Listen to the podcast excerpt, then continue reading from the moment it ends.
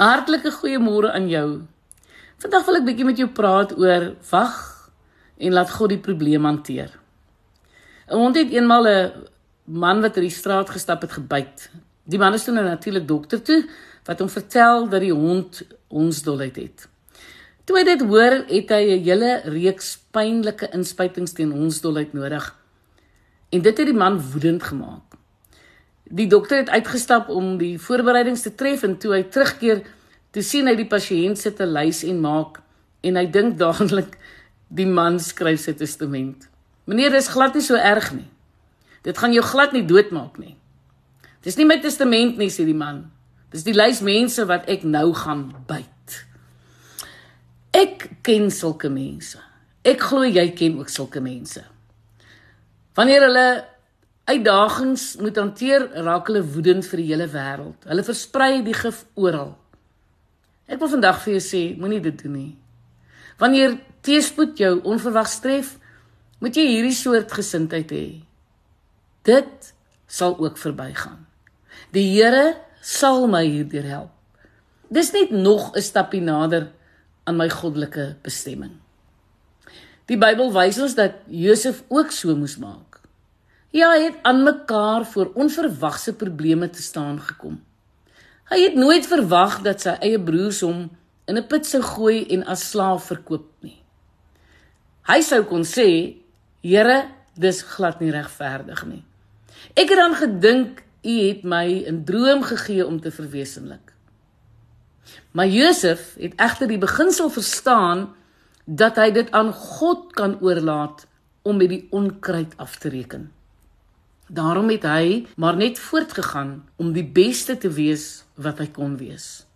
Josef het ook nooit verwag dat Potifar se vrou hom valslik sou beskuldig en hom in die tronk sou laat gooi nie. Hy het nie verwag dat die medegevangene wat hy gehelp het, sy rug op hom sou draai nie.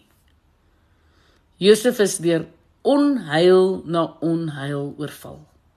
Hy sou verbitter en kwaad kon wees, maar hy het eenvoudig aangehou om op sy beste te wees.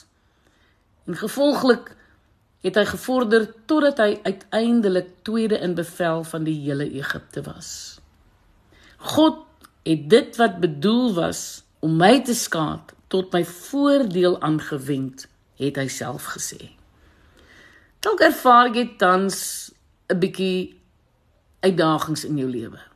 Dinge lyk dalk baie moeilik, maar ek verseker jou dat dit ook sal verbygaan.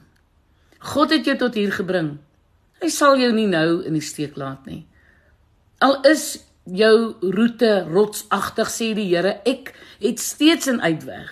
Ek is die Here wat voorsien. Ek is die Here wat genees. Ek is steeds die God van oorvloed. As die krisis wat jou so onverhoeds getref het, jou kon kelder, kan jy verseker wees dat God dit nooit sou toelaat nie. As 'n skielike uitdaging jou van jou roeping kon weerhou, sou die allerhoogste God dit nooit laat gebeur het nie. Solank jy leef en asemhaal, kan jy steeds alles word wat God wil hê jy moet wees. Moenie dat 'n krisis jou van jou geluk ontneem of keer dat jy vooruitgaan nie. Onthou wat Romeine 8 vers 28 sê, Ons weet dat God alles ten goeie laat meewerk vir die wat hom liefhet. Nou die woord meewerk is belangrik. Op sy eie maak en hindernis moeilik sin.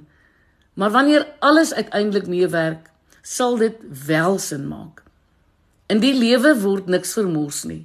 Selfs daardie 10 onstuimige minute wat elkeen periodiek ervaar, sal God tot jou voordeel aanwend. Daar is 'n gesegde wat sê dat slegte dinge met goeie mense gebeur en dis waar. Maar dis ook waar dat goeie mense in staat is om slegte dinge te oorkom en beter daaraan toe te wees as voorheen. God God sal jou beproewing, die toets wat jy deurstaan in 'n getuienis verander. Jou onverwagse kwellings is 'n duidelike aanduiding dat God iets wonderliks in jou toekoms gereed hou. Onthou, onthou dat God ons onverwagse guns, onverwagse deurbrake en onverwagse voorspoed bied. Ek is Lenet Beer vir Radio Kansel.